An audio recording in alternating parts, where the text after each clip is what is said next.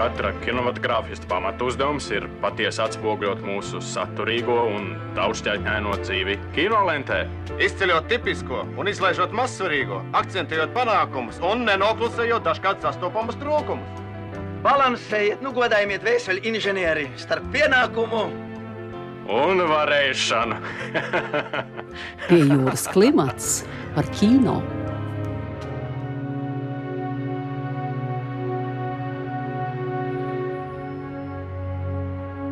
Esiet sveicināti, pīļājas klimata klausītāji! Nu pat kā pasniegtas 2019. gada Nacionālās kino balvas, kopskaitā 24 lielie kristapi. Un man ir liels prieks sveikt savu pīļājas klimata kolēģi Mārtu Elīnu Martinsoni kā labāko scenāriju autoru par darbu pie filmas blakus. Šīs dienas raidījumā iezīmēsim pāris aizvadīto Lībekas filmu dienu akcentus, kā arī runāsim par diviem latviešu kino jaunumiem Ivara Zviedra filmām Afigena un Meiko Cīrijā.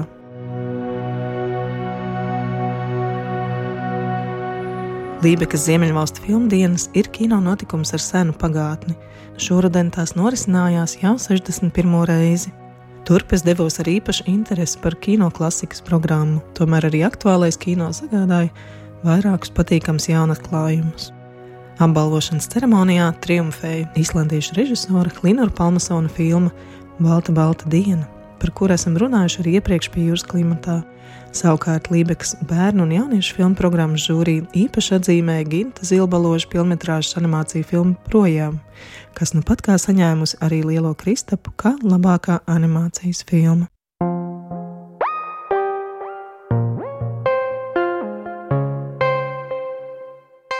Līdztekus kino seansiem īpašā programmā tiek izrādīti arī televīzijas seriāli, atsevišķas sērijas vai arī to izlase. No zviedru režisora Lukas Mudisona veidotā 12-daļīgā seriāla Gosta bija skatāmas 1, 5, 6 un 8 sērija, kuru gan asprātīgie starptitri īsumā vēstīja iepriekš notikušo. Mudisons, attālinoties no viņa filmām raksturīgā skarbā skatījuma uz dažādām Zviedrijas sabiedrības problēmām, Šoreiz uzlūko tās ar aizrautīgu sarkasmu. Bērnu psihoterapeits Gosta ambīciju un ideālismu pārpilns pārceļas no Stokholmas uz provinci, cerībā darīt pasauli labāku. Viņš ir draugs visiem, palīgs, atbalsts un mierinājums. Tomēr Sīrijas bēglis, kas mīt vienā no viņa mežmālas būdiņas istabiņām, rokeris tēvs, kuru pamatus draudzene, kāda paciente, kuru piemeklē krasas garstāvokļa svārstības, un draugs mūziķis, kuru piemeklējusi savukārt radošā krīze, visbeidzot māte mākslinieca, kas arī dzin ievācas pie gostas, būs īsts spriedzes tests viņa pacietības un tolerances robežām. Komiskajam seriālam, kura forma un vēstījums ir izteikti laikmatīgi, un noteikti ierindojama autoru kino lauciņā, piemīta aizrautība un vieglums, kā arī spēja uzreiz iekarot skatītāju sirdis.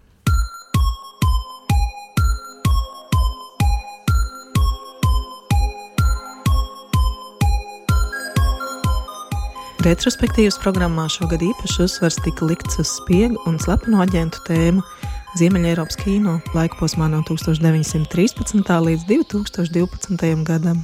Lai gan Ginta Grūbes un Jāka Kilmija dokumentālā filma Spiegs, kurš mans tēvs tika izrādīta ārpus šīs programmas, Latvija tajā tomēr tika pārstāvēta ar Aloiza Brenča 1967. gada filmu Kad lietus un vēji sitas logā.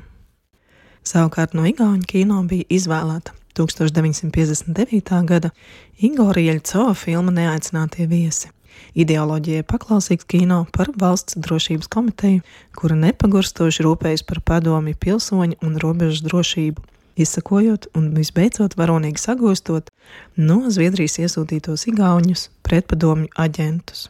Kinematogrāfisks atklājums man bija plaši starptautiski pazīstamā jaunā norvēģu režisora Joachima Trīra vectēva džēza mūziķa, avangarda mākslinieka un drosmīga kino eksperimentētāja Ērika Lēšana 1972. gada filma Protests. Filmas centrā ir kāda filmēšanas grupa, kas uzņem drāmu par slepenām savienībām un politiskām slepkavībām. Filmas priekšplānā gan izvirzās ne jau sižets, bet precīzi uztvertais laikmeta gars, filmas plūdums, sasaistē ar tajā skanošo džēzu, pārspīlētās piegu filmu estētika un pati uzņemšanas grupa, kas ik pēc mirkļa nepiespiesti kadrā pārgrupējas jaunai epizodei. Hva vil de egentlig med denne filmen? Ja, Hvis jeg kunne uttrykke det i noen få ord, så kunne jeg jo like godt skrive dem ned på en lapp og sende det til avisen deres. Ja, Det ville jo være enklere, for ikke å si rimeligere, enn å forsøke å lage en hel film som koster langt mer, både når det gjelder tid, arbeid og, og penger. Ja, men Du må da vel i noen få setninger kunne fortelle oss hva dette går ut på? Nei, det finnes ingen slike få setninger. Lēšana šai filmai bija iedvesmojis franču jaunā viņa režisors Žans Liks Godārs. Tomēr lēšanas savos filmveids paņēmienos iet vēl tālāk. Filmas protests piecus rūļus var rādīt jebkādā secībā, šādi iegūstot 125 stāsta versijas. Atgriežoties pie nesenākiem notikumiem, Nacionālā kinobalva Lielais Kristaps blakus nominēto filmu skatēm ierasti svin arī jaunāko latviešu filmu pirmizrādes. Divas no tām - 17 minūšu garo mātes un dēlu dialogu Afigena, kā arī stāstu par trīs bērnu un viņu māmu dzīvi. Meikots īrijā, veidojas dokumentālā kino režisors Ivars Viedris, tādēļ aicinājām viņu uz sarunu pie jūras klimatā. Kā radās šī pirmā no filmām, Afigēna, vai tas bija plānots projekts, ja viņš radās spontāni, satiekoties ar filmu varoņiem? Tieši tā arī bija. Pats pats sākums tam projektam ir tāds, ka man eh, drīz būs vēl viena pirmizrāde filmai Valkātājs, kuras jau ļoti ilgi pierobežā filmēju. Un, uh, tur ir tāds vietiņš čauna, pie veikala tur kaut ko filmējām, un, vai taisījāmies filmēt. Pienāca kāda sieviete klāt, viņa saka, es gribu, lai tu nofilmē to manu dēlu kā viņš tur skaita dzējolīšu. Nu, labi, nu, es domāju, ja cilvēks grib, noteikti tas jau ir dokumentālajā kino liels tāds tā kā pluss. Ja cilvēks kaut ko grib jau sadarboties ar tevi, tas jau ir, nu, sevišķi tādā novērošā dokumentālajā kino, tas jau tā kā baigi labi. Nu, mēs labi iesim, pamēģināsim, kas tur sanāk. Nu, tad mēs apmēram nu, nezinu, stundu, varbūt pat arī nebija nofilmējām būtībā to pamatu tai filmai, nu, viss, kas tur ir. Jā montējot šo materiālu, droši vien bija iespējams izmainīt šo filmas emociju.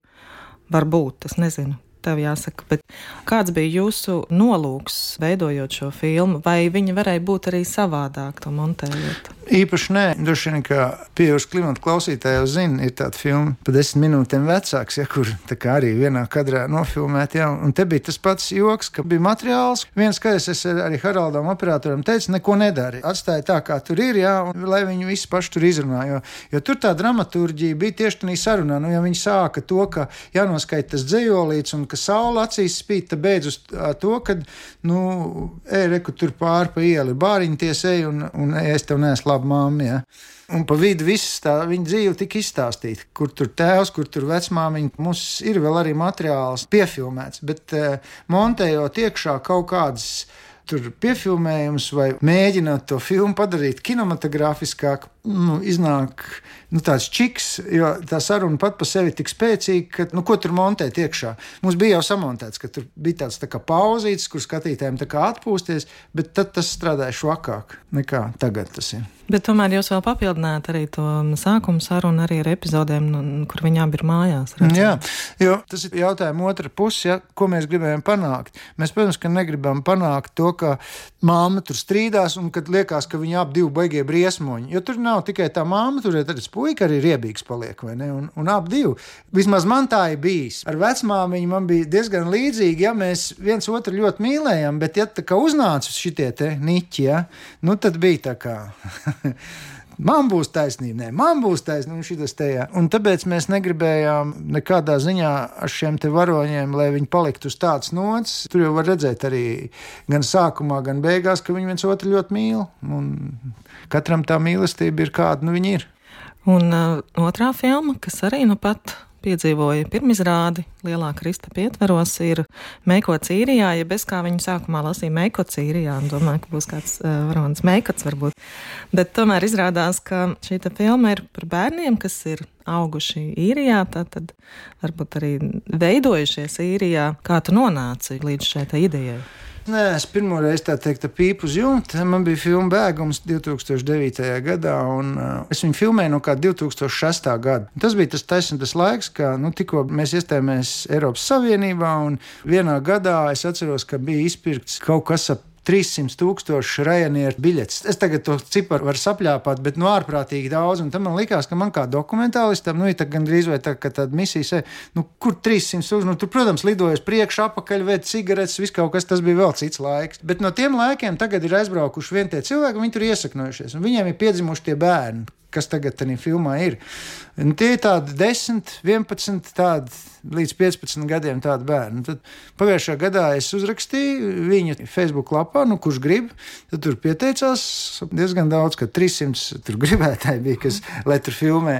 Tad mēs pagājušā gada ar Haraldu Ozolu vienu lielu daļu arī apbraukājām tad izkristalizējās šie trīs mūsu galvenie varoņi un viņa māmas. Tur, man liekas, divas lietas. Tur ir tas stāsts droši vien par to identitāti, bet nu, viņš uz tādas īrijas iesmiņa, ja tā var teikt. Tā filma ir uzdurta uz tādu īrijas iesmiņu.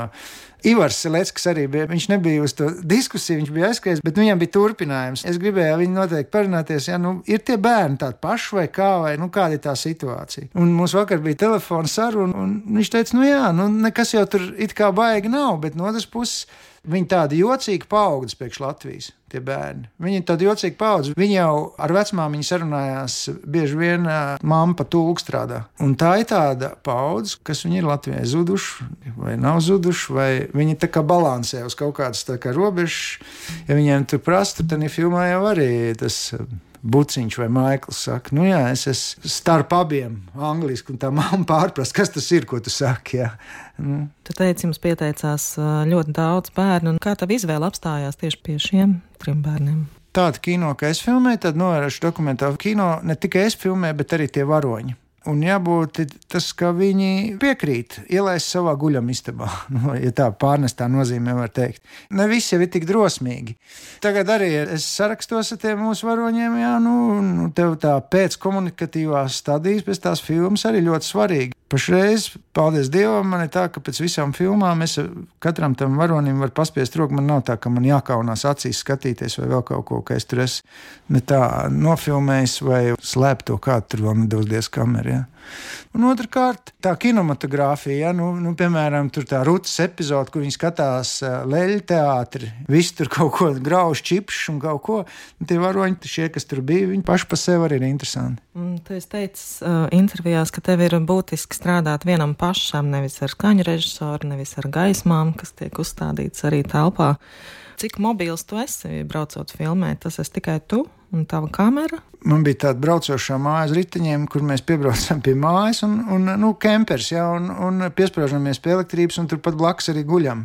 Jo pretējā gadījumā, ja te būtu nu, viesnīcas vajadzīgas un, un viss kaut kas tā nauda būtu baigi lielā, tas viens, un otrkārt, tu nevari būt blakus tam varonim. Ja tagad mēs tur varējām tur atļauties trīs, četras dienas dzīvot. Pa Dublīnu kaut kur no vienas puses uz otru aizpiņķerēties, tur veselu dienu aiziet, vai ne? Un, un tā bija tehnoloģija, kā vispār var nofilmēt. Otrs, jā, jo vairāk cilvēki, jo tā uzmanība, nu, nu ziniet, kā šitai, nu, tur pūzdienas un viss, un šitas te jā, un, un tā viens kaut ko vienu prasa, un otrs kaut ko otru prasa. Tas tā baigi sarežģīti. Atbraukt uz tā filmēšanas grupu, un viņi vispār visu grib izrunāties. At tā mēs divi ar operatoru Haraldu Ozolu, nu, un otrajā tūrē ar, ar Zani Maču, nu, jūs paši rādio. Tā tehnoloģija, to es biju izdomājis, jo es jau zināju no bēguma laikiem. Tad šī ir tāda laba, tāda novērošā dokumentālā kino metode, kā filmēt filmēt, tādu dzīvojamo mājiņu aizbraukt un filmēt. Filmā mēs dzirdam arī tavu balsi. Kā notiek šīs sarunas, vai tu viņas virzi kaut kādā savā iedomātajā virzienā, vai tev ir kaut kāds uh, jautājumu komplekts, kādu tu uzdevi visiem šiem stāstu varoņiem? man, man parasti varbūt nav tāds jautājums komplekss, bet cik mums tajā pirmajā laikā bija jāveic izpēta kopā filmēšana, nu, tas izdomāja visbanālākos, nu, teiksim, pa zelta zīltiņu, vai ne? Jo cilvēks nekad neatbild. Viņš aizdomājās pavisam par kaut ko citu, vai, vai uzprast, kas ir laime, vai, vai kaut ko tādu, viņš atbild kaut ko pilnīgi savu, un tad, attiecīgi, no tā tur atkal var dansot tālāk. Es mēģinu, varbūt nevienmēr izdodas, bet es mēģinu nevis interviju taisīt, bet sarunu. Un tas ir divas ļoti dažādas lietas. Tad pirmā reize mums tā tehnoloģija bija tāda, mēs runājām ar katru no tiem bērniem, nu vismaz divas stundas vai trīs stundas ar kaut kādiem pārtraukumiem. Un kas bija pats dīvainākais? Pēc tādas runāšanas tu viņiem uzprasi ja, kaut kādu arī, nezinu, pa laimi vai pa vēl kaut ko, un viņi apraudās. Un tas tā, nu, tā jocīgi.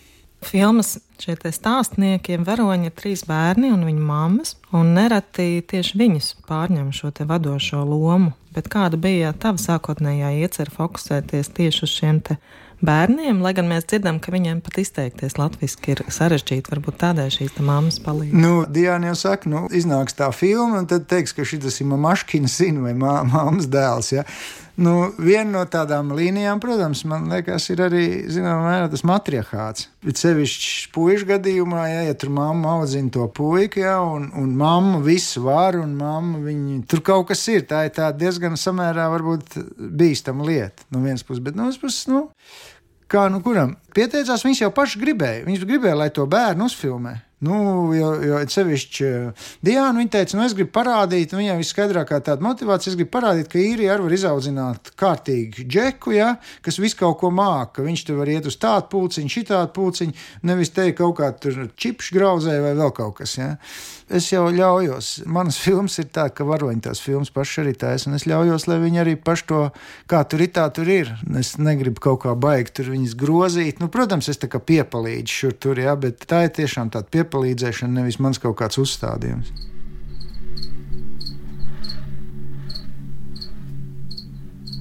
Braucu tur, ogās vēl tādu. Nomaldīju, ir piemigu. Izskaļos kaut kādi cilvēki pie manis nāk klāt. Nebija jau domāts, ka es viņiem virsū uzskriešu. Varbūt nebūtu virsū toreiz uzskrējis. Nekā nebūtu.